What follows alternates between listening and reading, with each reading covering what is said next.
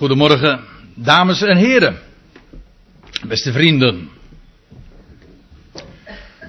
De derde dag brak aan. Een hemelslicht verscheen. Een aardbeving. De steen werd weggewenteld. De wacht voor het graf die vluchtte snel weg. En Jezus, hij was niet meer in het graf. En toch, het graf was niet leeg. En daar wil ik u vanmorgen graag eens wat meer over vertellen. En ik wil u graag om te beginnen meenemen naar Johannes 20. Daar vinden we de geschiedenis van die opstandingsmorgen. En ik stel voor dat we beginnen te lezen bij vers 1. De projectie op het scherm is niet al te helder. Wel, of u probeert te ontwaren wat er op het scherm staat, of u leest mee in uw eigen Bijbel. Daar staat, als het goed is, toch echt hetzelfde. En mocht dat niet het geval zijn, dan licht ik dat nog wel even toe. Johannes 20, en dan begint het met te zeggen. En op de eerste dag van de week. Nou, dan moet ik meteen al ophouden met lezen, want daar wil ik toch graag wat meer over vertellen. Want wij lezen allemaal in de Evangelie dat het was op de eerste dag van de week. Dat wil zeggen, zo vinden we het in onze vertalingen. En ik geloof persoonlijk ook dat het de eerste dag van de week was. De dag na de Sabbat, dat wil zeggen de zondag.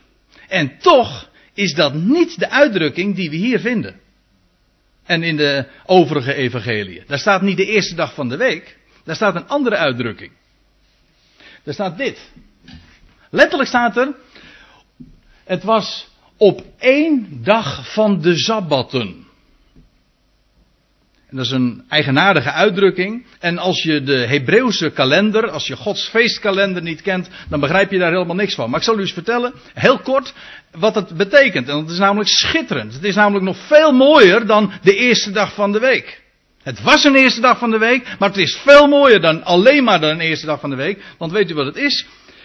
In de week van Pesach was daar eh, de dag na de Sabbat. U vindt het allemaal terug in Leviticus 23. Als de God zijn kalender geeft. Dan staat er op de dag na de Sabbat zou de eersteling van de gerstenoogst bewogen worden door de priester.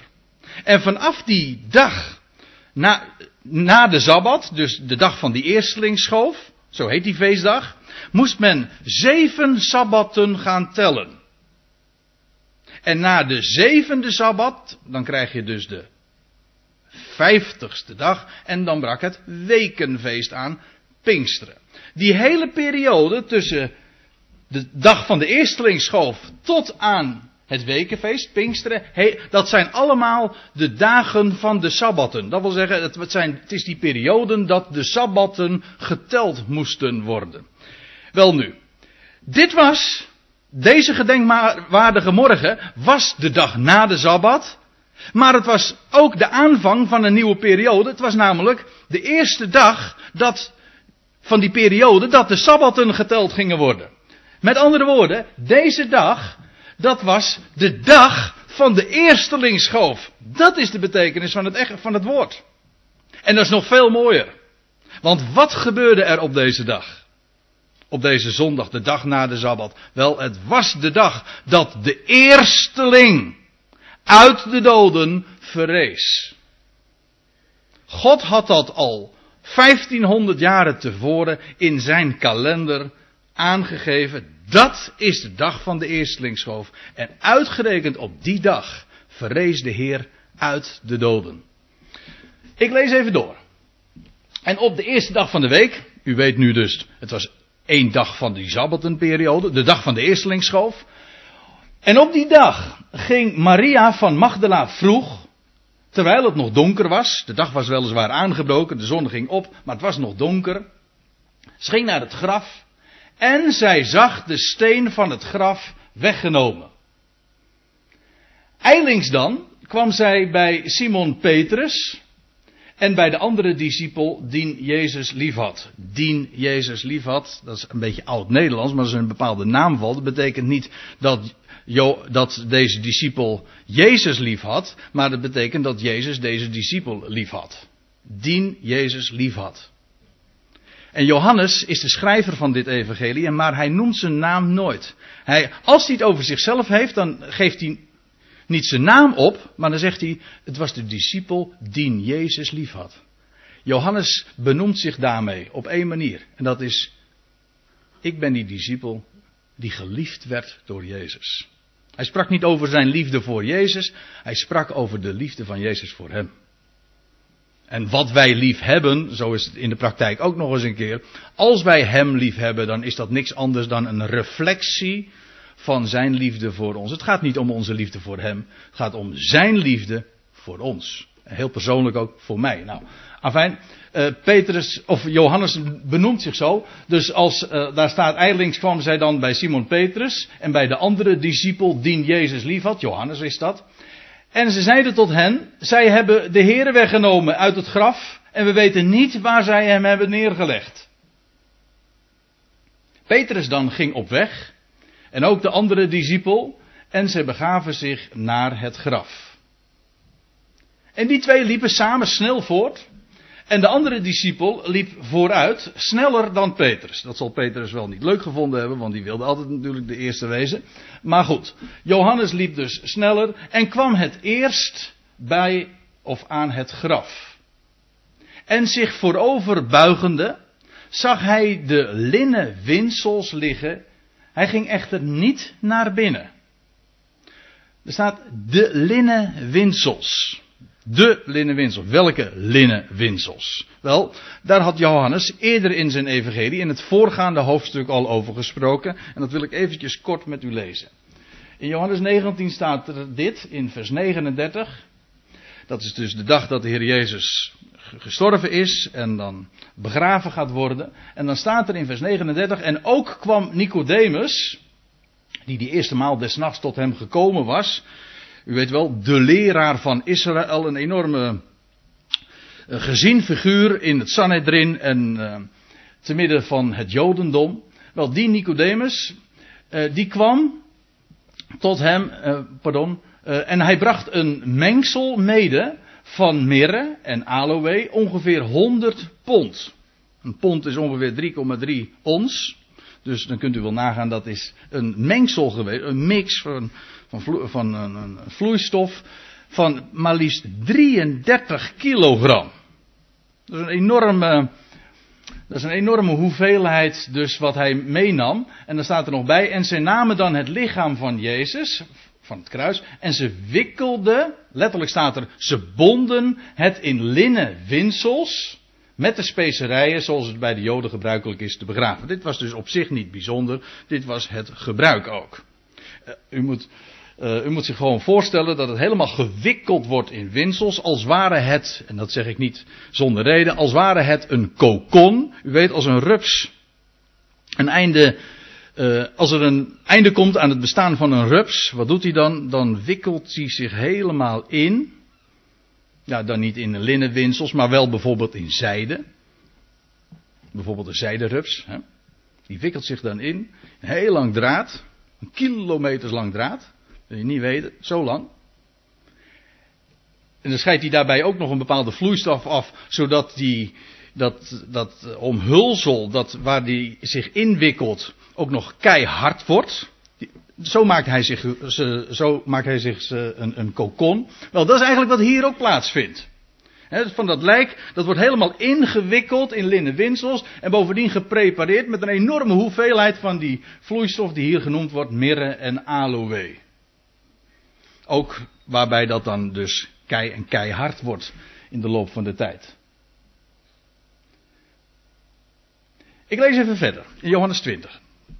Er staat dan, en Simon Petrus dan kwam ook hem volgende, en hij ging het graf binnen. En hij zag de winsels liggen. Niks bijzonders, want op zich, want dat had Johannes ook al gezien. Maar let op wat er dan vervolgens staat. Maar de zweetdoek, die op zijn hoofd geweest was, van Jezus dus, zag hij niet bij de winsels liggen, doch opgerold terzijde op een andere plaats. En hier moet ik eventjes een aantekening maken, want er staat in onze vertaling opgerold. Maar dat is niet het woord wat hier eigenlijk hoort te staan. Kijk, wat je nu denkt is, als je, als je dit zo leest, dat op de dag van de opstanding, de steen is weggewendeld, dat, dat Jezus, terwijl hij opstaat, dat hij de, die zweedoek heeft eh, genomen en dat hij die zelf heeft opgerold. Ja toch? Maar dat is niet het woord wat gebruikt wordt. Er wordt een ander woord gebruikt en dat is wikkelen. En er is een groot verschil tussen rollen, oprollen en wikkelen. Zal ik het dus eh, duidelijk maken? Ik heb hier een schone zakdoek. Kijk, als ik deze zakdoek oprol, dan doe ik dit.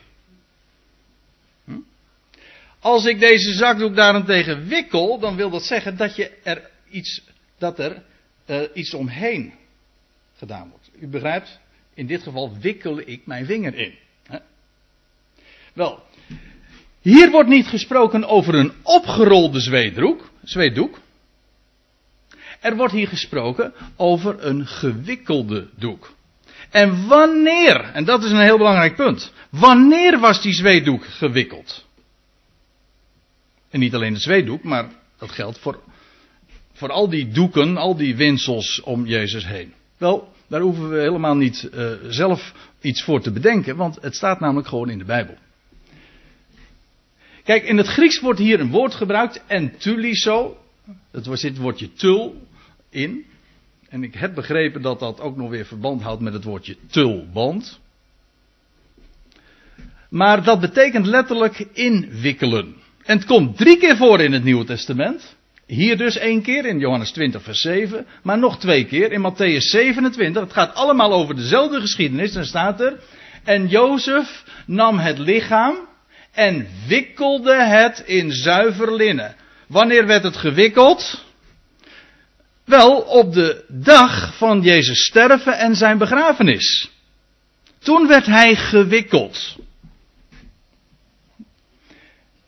In Lucas 23 gaat het over dezelfde geschiedenis. En na het te hebben afgenomen, het lichaam van het kruis, wikkelde hij het in linnen. Het is exact hetzelfde woord. Dit zijn de drie keren dat het woord voorkomt in, in het, ons Nieuwe Testament. Twee keer wordt het correct weergegeven met wikkelen. Alleen hier wordt het in Johannes 20, vers 7 wordt het abusievelijk met oprollen weergegeven. En dat geeft de indruk dat wat uh, daar in het graf gezien werd door Petrus, als hij dan binnengekomen is, dat het doek op de dag van de opstanding is opgerold. Keurig, netjes achtergelaten. Maar dat is niet wat er staat. Het gaat hier over een gewikkelde doek. Wat hij ziet, is een doek die, uh, die nog de vorm heeft van dat het ingewikkeld is geweest. Ja, u vindt het misschien een beetje ingewikkeld wat ik nou zeg, maar ik kom er straks nog op terug. Nee, we lezen nog even verder. En dan staat er namelijk vervolgens, toen ging ook de andere discipel, die het eerst aan het graf gekomen was, naar binnen. En hij zag het en hij geloofde. En dat roept toch een vraag op. Waarom? Kijk, wat, eh, laten we even heel close naar deze geschiedenis kijken. Petrus, die komt. Hij gaat het graf niet binnen, maar hij kijkt erin en hij ziet de linnen winsels liggen. Niks bijzonders aan de hand. Vervolgens komt, eh, zei ik net Petrus? Dat zei ik fout. We knippen even. Uh, dat was dus Johannes. Hè? Johannes, die, die komt uh, in het graf, die kijkt in het graf en die ziet die linnen winsels liggen. Vervolgens komt Petrus ook, maar die gaat het graf binnen. En die ziet dan ook de linnenwinsels liggen. Maar die ziet dan iets anders en dan ziet hij namelijk ook dat die zweedoek nog helemaal in de vorm van een gewikkelde doek, alsof het nog om het hoofd van Jezus, uh, als, in de vorm van dat het om het hoofd van Jezus uh, gewikkeld was. Hij ziet nog helemaal die mal. Wat niet zo gek is natuurlijk, want het was geprepareerd, het was helemaal hard geworden. Wat hij zag, was ineens dat dat gewaad, dat doodskleed, leeg was. Kijk, Petrus die was in eerste instantie, pardon ik zeg het weer fout, Johannes was in eerste instantie helemaal niet verbaasd, want hij dacht dat Jezus er nog gewoon lag. Hij zag daar die linnen winsels, hij zag daar gewoon dat doodskleed in de vorm nog, alsof daar het lichaam van Jezus in was. Dus hij dacht, hij kwam daar bij dat geopende graf, maar toen dacht hij, oh dat, dat lichaam ligt er nog, want hij zag dat, die, die linnen winsels. Totdat hij in het graf kwam, en toen zag hij ineens dat die kokon, die mummie die daar lag, leeg was, want de hoofddoek, de zweetdoek die om het hoofd van Jezus gelegen had, lag apart. Nog helemaal in de vorm van een gewikkelde tulband, zal ik maar zeggen. En toen ineens zag hij, het is leeg. En dan lees je dat als Johannes dat ook ziet, als hij in het graf komt en hij ziet dan die zweetdoek apart daar liggen, nog helemaal in de vorm, maar leeg. Het was een lege kokon. U ziet het niet goed, geloof ik. Maar wat ik heb afgebeeld, dat is inderdaad een kokon die, die leeg is en waar de vlinder uitgekropen is. Nou, dat is wat hier op de morgen van de opstanding plaatsvond. Het graf was leeg, maar wat zo bijzonder ook hieraan is, is dat dat doodskleed, dat lijkgewaad, ook dat zo geprepareerd was, waarin Jezus gewikkeld was, die doeken waarin hij gewikkeld was, dat hoofd was helemaal ingewikkeld. En was geprepareerd met, met, die, met zoveel vloeistof. Was hard geworden. Wel, op het moment dat deze beide mannen in het graf kijken, dan zien ze dat die doek van het hoofd apart daar ligt en het is leeg. Het is een lege kokon. En op het moment dat hij dat ziet, staat er. En hij zag het. Wat, wat is het? Wel, hij zag dat die doek daar apart lag. En dat het dus allemaal leeg was. En dan lees je, hij zag het en hij geloofde. In eerste instantie was er nog niks bijzonders aan de hand, want toen dacht hij van, ja het graf is inderdaad open, de steen is weggewendeld, maar het lichaam ligt er nog. Dus daar was niks bijzonders aan de hand. Hij geloofde pas op het moment dat hij in het graf was gegaan en had gezien dat daar een lege kokon lag.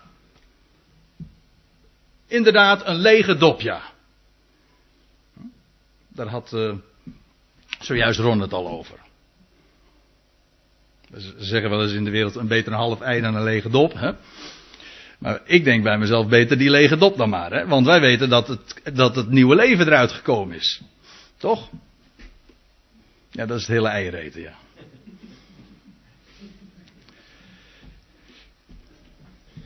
Kent u dat lied van Don Francisco? Ik heb het juist gisteren nog eens beluisterd. Een schitterend lied. Een van de mooiste paasliederen die ik ken. Don Francisco, dat is een lied uit de jaren 70. Moet dat geweest zijn. He's Alive. Schitterend lied. En die zingt er ook over.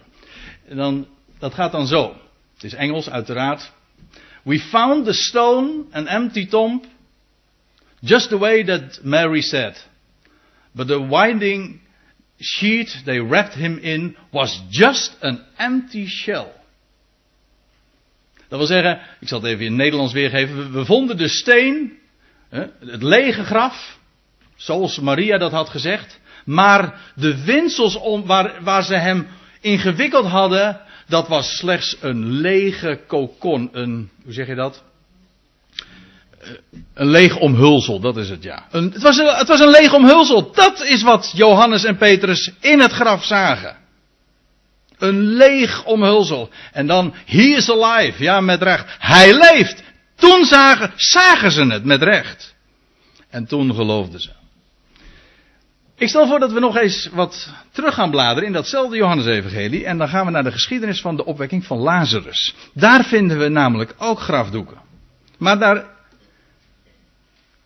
is het net anders als wat we vinden in Johannes 20 en het verschil is groot. En op dat verschil wil ik u graag eens wijzen. Johannes 11. Nou, het is een heel lang, uh, lange geschiedenis. En ik ga dat niet in zijn geheel lezen, maar dan op een gegeven ogenblik, Lazarus is ernstig ziek en dan krijgt Jezus, die op een, eh, een locatie veel verder is, die krijgt dan te horen dat dat eh, Lazarus zo ernstig ziek is en dat hij inmiddels gestorven is. En dan blijft de Heer Jezus nog twee dagen daarachter. Dat wil zeggen, hij gaat niet naar zijn naar zijn vrienden in Bethanië. Hij blijft daar nog twee dagen. Waarom nog twee dagen? Daar ga ik u nu verder niet over vertellen, maar dat is wel heel bijzonder. En in elk geval, na die twee dagen gaat de Heer Jezus inderdaad naar Bethanië toe. Dat is nog een hele reis trouwens. En dan komt hij daar aan in Bethanië, bij die familie die in rouw is. En Jezus gaat dan naar het graf toe. En dan staat er in vers 39. Jezus zeide, neemt de steen weg. En Martha, de zuster van de gestorvene, Lazarus dus, zei tot hem, Heer, er is reeds een lijklucht, want het is al de vierde dag inmiddels. En Jezus zei tot haar, heb ik u niet gezegd, dat gij, indien gij gelooft, de heerlijkheid Gods zien zult? En ze namen dan de steen weg. En Jezus sloeg de ogen opwaarts en hij zeide, Vader, ik dank u dat gij mij verhoord hebt. Nou ja, eigenlijk staat het in, de, in een aorist. In een bepaalde tijdsvorm en dat betekent dat gij mij verhoort. Eigenlijk klopt dat hier niet, hè, zoals dat in onze vertalingen staat weergegeven. Want het moest namelijk nog plaatsvinden. De Heer Jezus die dankt God. Hij zegt, ik dank u dat u mij altijd verhoort. Gewoon, dat is een feit.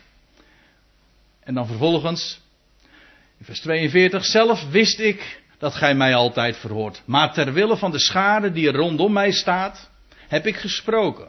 Opdat zij geloven dat gij mij gezonden hebt. En dat zij geloven, wat hij zojuist trouwens had gezegd. Dus een, een, ehm, een paar uur eerder had de Heer Jezus nog gezegd: Ik ben de opstanding en het leven. Ik doe niet alleen maar opstaan. En ik zal niet alleen maar opstaan. Ik ben de opstanding en het leven. Ik ben het leven van de opstanding. Het leven dat de dood achter zich heeft. Ik belichaam dat nieuwe leven. Dat de dood overwint. Wel, de Heer Jezus zegt, zegt dat hier, dat in dat gebed. Hij slaat zijn oog op. En hij zegt, het was een heel aangrijpend moment. Je leest daar ook dat, dat Jezus tot twee keer toe staat. Het, Jezus was verbolgen. Hij was ook boos op de, de kwade verwijten, de boze verwijten die de schade hem doet. De, de boze suggesties die, die werden gedaan. En je, je leest ook, Jezus weende. De kortste zin van de Bijbel. Jezus weende.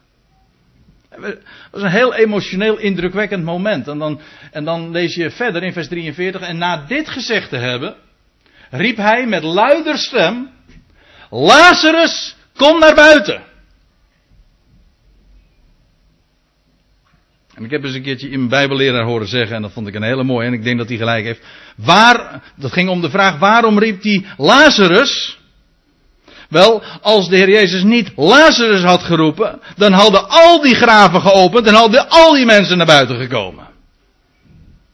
En ik denk dat het waar is. Dat is de kracht van zijn woord namelijk. Hij riep, Lazarus, kom naar buiten.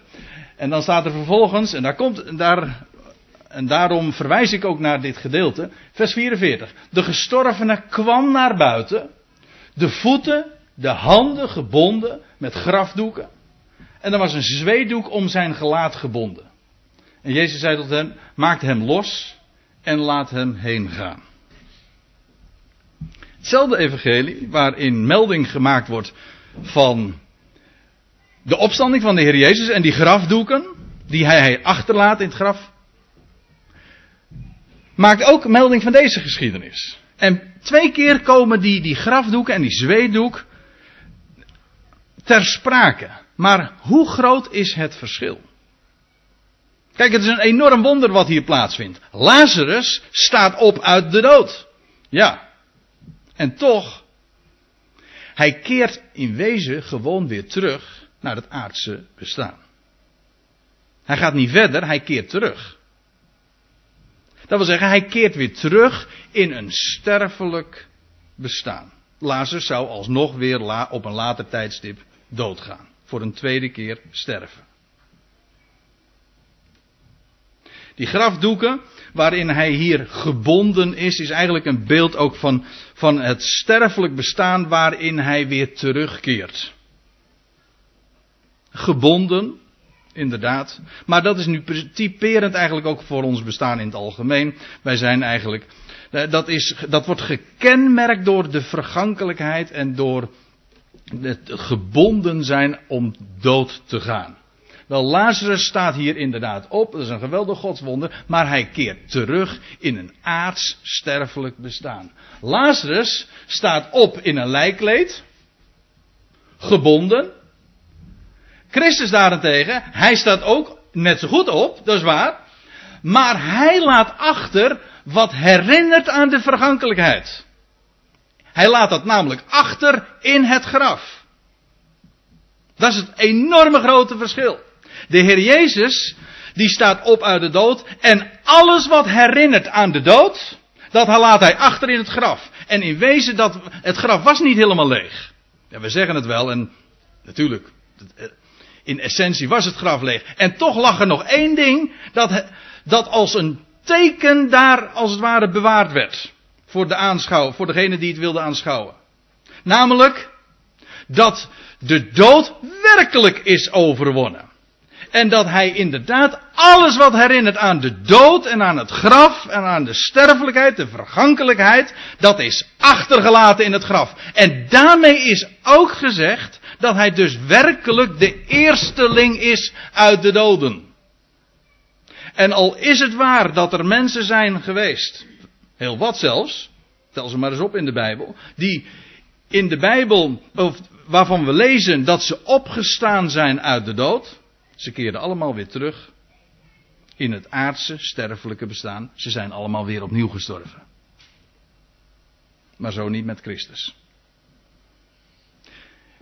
In 1 Korinthe 15, ja dat is het hoofdstuk waar je dan onwillekeurig in uitkomt.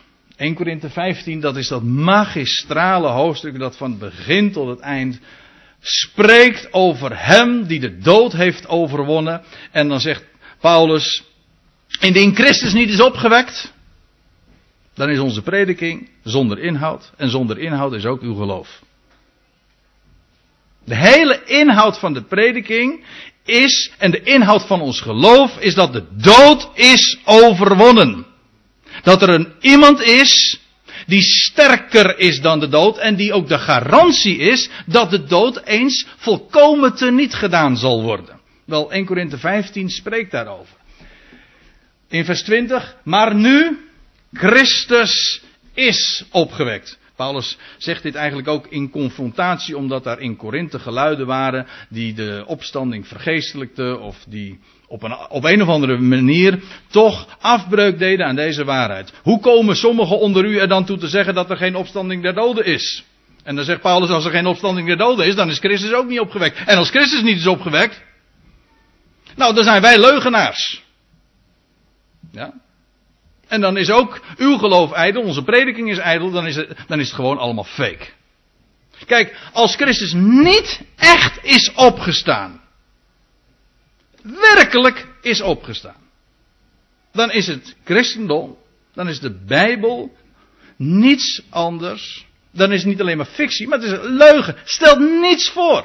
Dan heeft het allemaal geen enkele betekenis. Maar als het inderdaad waar is, dan is het de grootste waarheid die er bestaat. Dan is het het feit van de hele wereldgeschiedenis.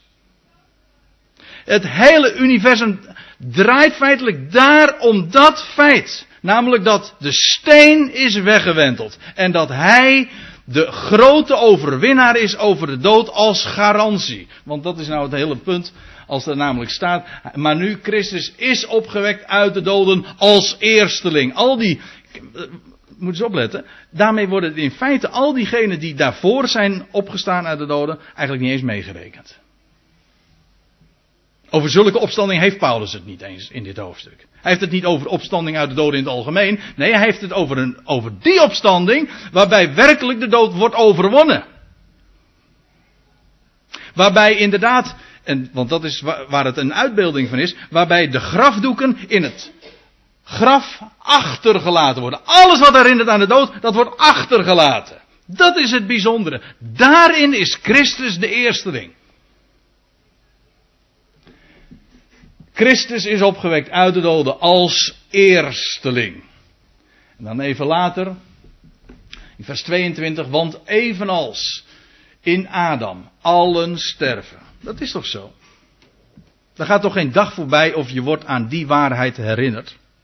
Dat we stervelingen zijn. Er zitten hier mensen in de zaal die er ook heel dichtbij nog weer heel recentelijk mee te maken hebben gehad. Je familieleden, een moeder of wie dan ook naar het graf brengt. Gisteren kregen we nog weer een rouwkaart van iemand van mijn leeftijd ook. Op een hele tragische manier, een lang ziekbed, uiteindelijk gestorven is. Allen in Adam sterven.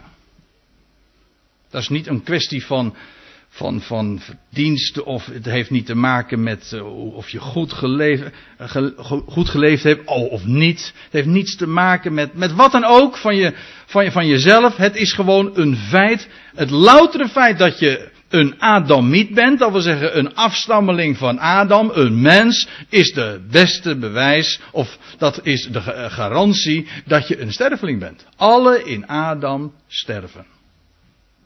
Nou. En dan staat er zo prachtig. Want evenals in Adam alle sterven, zo zullen ook in Christus allen levend gemaakt worden. Schitterend. Zoals het ene waar is, zo is het andere net zo waar. In Adam sterven alle mensen, wel in Christus zullen alle mensen worden levend gemaakt. Maar zegt Paulus er wel bij in vers 23, maar ieder in zijn eigen rangorde. Christus als eersteling. Ik zeg, ik zeg, nog eens een keer, daarmee worden alle, alle opstandingen die daaraan vooraf gegaan zijn niet eens meegeteld. Christus is de eersteling. Over die levendmaking hebben we. Hebben we het nu. Christus is de eersteling en dan gaat hij nog verder. En vervolgens die van Christus zijn in zijn parousia en daarna het einde enzovoorts. Ik ga daar nu niet te diep op in. Het gaat me om het feit zelf. En daar staat er nog bij, dat is weer wat later in het hoofdstuk. Grasduinen zo een beetje in dat hoofdstuk. Dan staat er in vers 42, daar wordt, daar wordt die tegenstelling gemaakt. Er wordt gezaaid in vergankelijkheid. dat is een mooi, mooi beeld, hè? Een begrafenis, dat is, dat is een prachtig symbool. Want in wat je feitelijk doet, is je zaait in de aarde.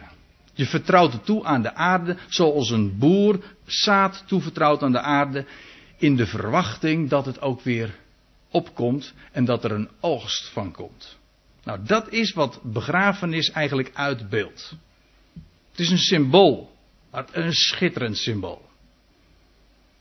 In wezen spreekt daar al het geloof in uit van opstanding. Dat geldt trouwens ook voor die opgerichte stenen hoor, die bij graven staan. Opgerichte tekenen. Een steen die al recht overeind gezet wordt. Een steen die men doet opstaan. Dat spreekt ook van nieuw leven. Mensen weten dat niet meer, maar het is wel zo. Het is een prachtige symboliek, daar zit zoveel in. Er wordt gezaaid in vergankelijkheid. Er wordt opgewekt straks in onvergankelijkheid. Nou, er is er al één bij wie dat inmiddels waarheid is. Hij is die enige die op dit moment onsterfelijkheid heeft aangedaan. Die inderdaad de dood heeft overwonnen. En die inderdaad, zoals Romeinen 6 dat zo prachtig zegt. Hij is eens voor altijd gestorven. En dan staat er, en hij leeft. De dood heerst niet meer over hem. Hij heeft de dood dus letterlijk achter zich gelaten. En daarmee dus onvergankelijk leven aan het licht gebracht. Wordt gezaaid in een vergankelijkheid, er wordt opgewekt in onvergankelijkheid. Er wordt gezaaid, staat er, in oneer. Er wordt opgewekt in heerlijkheid. Er wordt gezaaid in zwakheid. En opgewekt in kracht. Ziet u die, die tegenstellingen? Vergankelijkheid, oneer, zwakheid. Dat is nou typerend eigenlijk voor ons sterfelijk bestaan. Voor, voor het feit dat we eigenlijk allemaal in dat doodskleed gehuld zijn. Een, een lijkgewaad. Het is, ons bestaan hier op aarde wordt gekenmerkt door vergankelijkheid. Door oneer ook. Als je ook ziet, de hele de aftakeling die een mens. Het feit dat we vergankelijk zijn. Het is niet alleen maar dat er zomaar plots een eind aan komt. Het is eigenlijk een stervensproces. U vindt het misschien wat zwartgallig als ik dat zo zeg, maar het is gewoon waar. Het is een stervensproces. En dat kan zo oneervol zijn. En naarmate je ouder wordt, moet ik gaan voorbeelden gaan noemen? Of moet ik mensen hier naar voren halen om, om daar wat uit eigen bevinding wat over te vertellen? hoe je heerlijkheid vergaat. hoe dat minder wordt, je wordt ouder en je wordt ook. En inderdaad, dat is oneer. Je kunt steeds minder. Alles takelt af. Het is, het is gewoon een aftakelingsproces. Er wordt, en dat is precies wat er gezaaid wordt. Een sterfelijk lichaam, dat, een, een, een sterfelijk lichaam dat, dat, dat uiteindelijk inderdaad doodgaat, maar dat is een proces van oneer. Het is een vergankelijk proces, een proces van vergankelijkheid, het is een proces van oneer, het is ook een proces van zwakheid. Het ontbreekt ons aan vitaliteit, dat betekent leven, aan kracht, aan power, aan energie. Dat is nou het hele punt. Dat is ook de reden waarom een mens ziek wordt. In wezen omdat hij niet genoeg kracht heeft om te weerstaan. Dat is het. Maar dan is die tegenstelling zo mooi. Dit bestaan wordt gekenmerkt door vergankelijkheid, oneer en zwakheid. Maar daar tegenover staat, het is eigenlijk het antitype van wat Christus al inmiddels 2000 jaar geleden aan het licht gebracht heeft. Namelijk, hij stond op in onvergankelijkheid, in heerlijkheid en kracht. En zegt Paulus dan in 1 Korinthe 15, ja, maar hij is de eersteling. En zoals alle mensen nu sterven, alle mensen, al die miljarden die al gestorven zijn, en al die miljarden mensen die er nu leven, het zijn allemaal stervelingen. Wie je ook bent, wat je ook gelooft, wat je overtuiging is, ook is, en wat je ook allemaal uitvreet, maakt allemaal niet uit. In Adam sterven alle mensen. Wel zegt Paulus, zo zal in Christus ook alle mensen worden levend gemaakt. Is dat niet machtig? Is dat een evangelie of niet? En dat is een belofte. En er is verschil. Christus als eersteling, zij die van Christus zijn, uh, in zijn parousia. Maar Paulus zegt dat hier zo schitterend. En dat is zo'n geweldige evangelie. Dat is een feit. Dat geherouwd mag worden. In Christus zullen alle mensen worden levend gemaakt. Christus is niet minder dan Adam. Wat dacht u? Adam, in Adam sterven alle mensen. Wel in Christus worden alle mensen levend gemaakt. En dan zegt Paulus er nog bij hoe dat dan zal gaan. Hè? Hij zegt in vers 25 van datzelfde hoofdstuk 1 Korinthe 15, want hij moet als koning heersen. Totdat hij al zijn vijanden onder zijn voeten gelegd heeft. Hij moet als koning heersen, totdat. Ja. En dan staat erbij, de laatste vijand die teniet gedaan wordt, is de dood. Dat wil zeggen, de dood is al overwonnen. Maar is nog niet teniet gedaan en dat duurt nog een hele tijd, kan ik u vertellen. Maar er gaan nog aionen overheen. Eeuwen, zegt de Bijbel. Maar uiteindelijk, als alle vijanden onderworpen zijn en ook de laatste vijand teniet gedaan zal zijn. Weet u, hoe, weet u hoe de laatste vijand teniet gedaan wordt? Weet u hoe de dood teniet gedaan wordt? We, we hebben het al gelezen. Weet je hoe de dood er niet gedaan wordt? Door alle mensen levend te maken. Dan is er namelijk geen dood meer. En dat is wat hier staat. De laatste vijand die er niet gedaan wordt is de dood. En dan staat er vervolgens in vers 28, en daar wil ik ook mee eindigen. Wanneer alles hem onderworpen is, dan zal ook de zoon zelf zich aan hem onderwerpen, die hem alles onderworpen heeft. Opdat God zij alles in allen. Dat is het grote perspectief van de Bijbel. Een God die de levende God is. En die zijn zoon naar deze wereld heeft gestuurd om hem te laten sterven. Inderdaad. Waarom moest hij sterven? Nou, de meest fundamentele reden die ik weet en heb gevonden in de Bijbel is, hij moest sterven om op te kunnen staan uit de dood. En zo de dood te overwinnen. En zo de garantie te zijn, de eersteling van alle die in Adam sterven en een belofte te zijn van leven, zodat uiteindelijk niet alleen maar de dood is overwonnen, want dat is al een feit, maar dat de dood ook teniet gedaan zal zijn.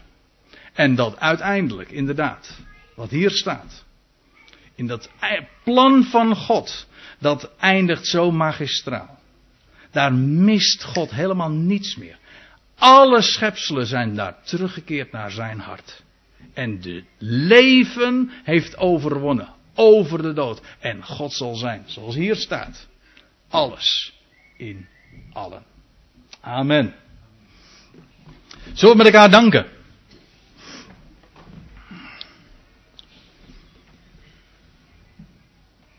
Heer, wat zijn we enorm bevoorrecht met die wetenschap. Van die steen die werd weggewenteld. En dat het graf open is en dat hij de levensvorst is en dat hij de dood werkelijk heeft overwonnen. En we hebben het zojuist gememoreerd en vanuit uw woord mogen leren en mogen lezen. Dat hij werkelijk sterker is dan wat ook. Dan de dood. En Heer, we danken u dat we dat uw woord zo enorm rijk is. En dat het spreekt van die levende God die we mogen kennen.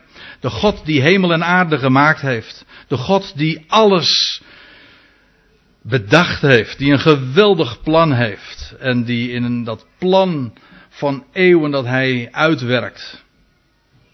Eén iemand centraal stelt. Eén iemand de eersteling laat zijn. Jezus Christus. En dat hij werkelijk de grote overwinnaar is. En Heer, we danken u dat we daarom zoveel reden hebben om blij te zijn. Het is, zoals men zegt in de wereld, hoop doet leven. En dat is ook zo, hoop doet leven. Maar ook dit leven dat u aan het licht gebracht heeft, dat doet ons hopen. Want het is een enorme verwachting die als garantie is neergelegd. En morgen hebben we speciaal stilgestaan bij dat wat overgebleven is, het restant wat daar in het graf achtergebleven is. En dat is zo'n schitterend symbool. Alles wat aan de dood herinnert, hebt u achtergelaten in het graf. U bent werkelijk de dood, u hebt de dood overwonnen. En ook werkelijk onvergankelijk leven aan het licht gebracht. En Heer, daarom hebben we reden om feest te vieren. We hebben er zojuist van gezongen. En het feest wordt alleen maar mooier en groter. En het is waar. In deze wereld wordt alles nog gekenmerkt door vergankelijkheid. Door oneer, door zwakheid. En al het leed, de tranen, de pijn, de moeite die dat weer met zich meebrengt.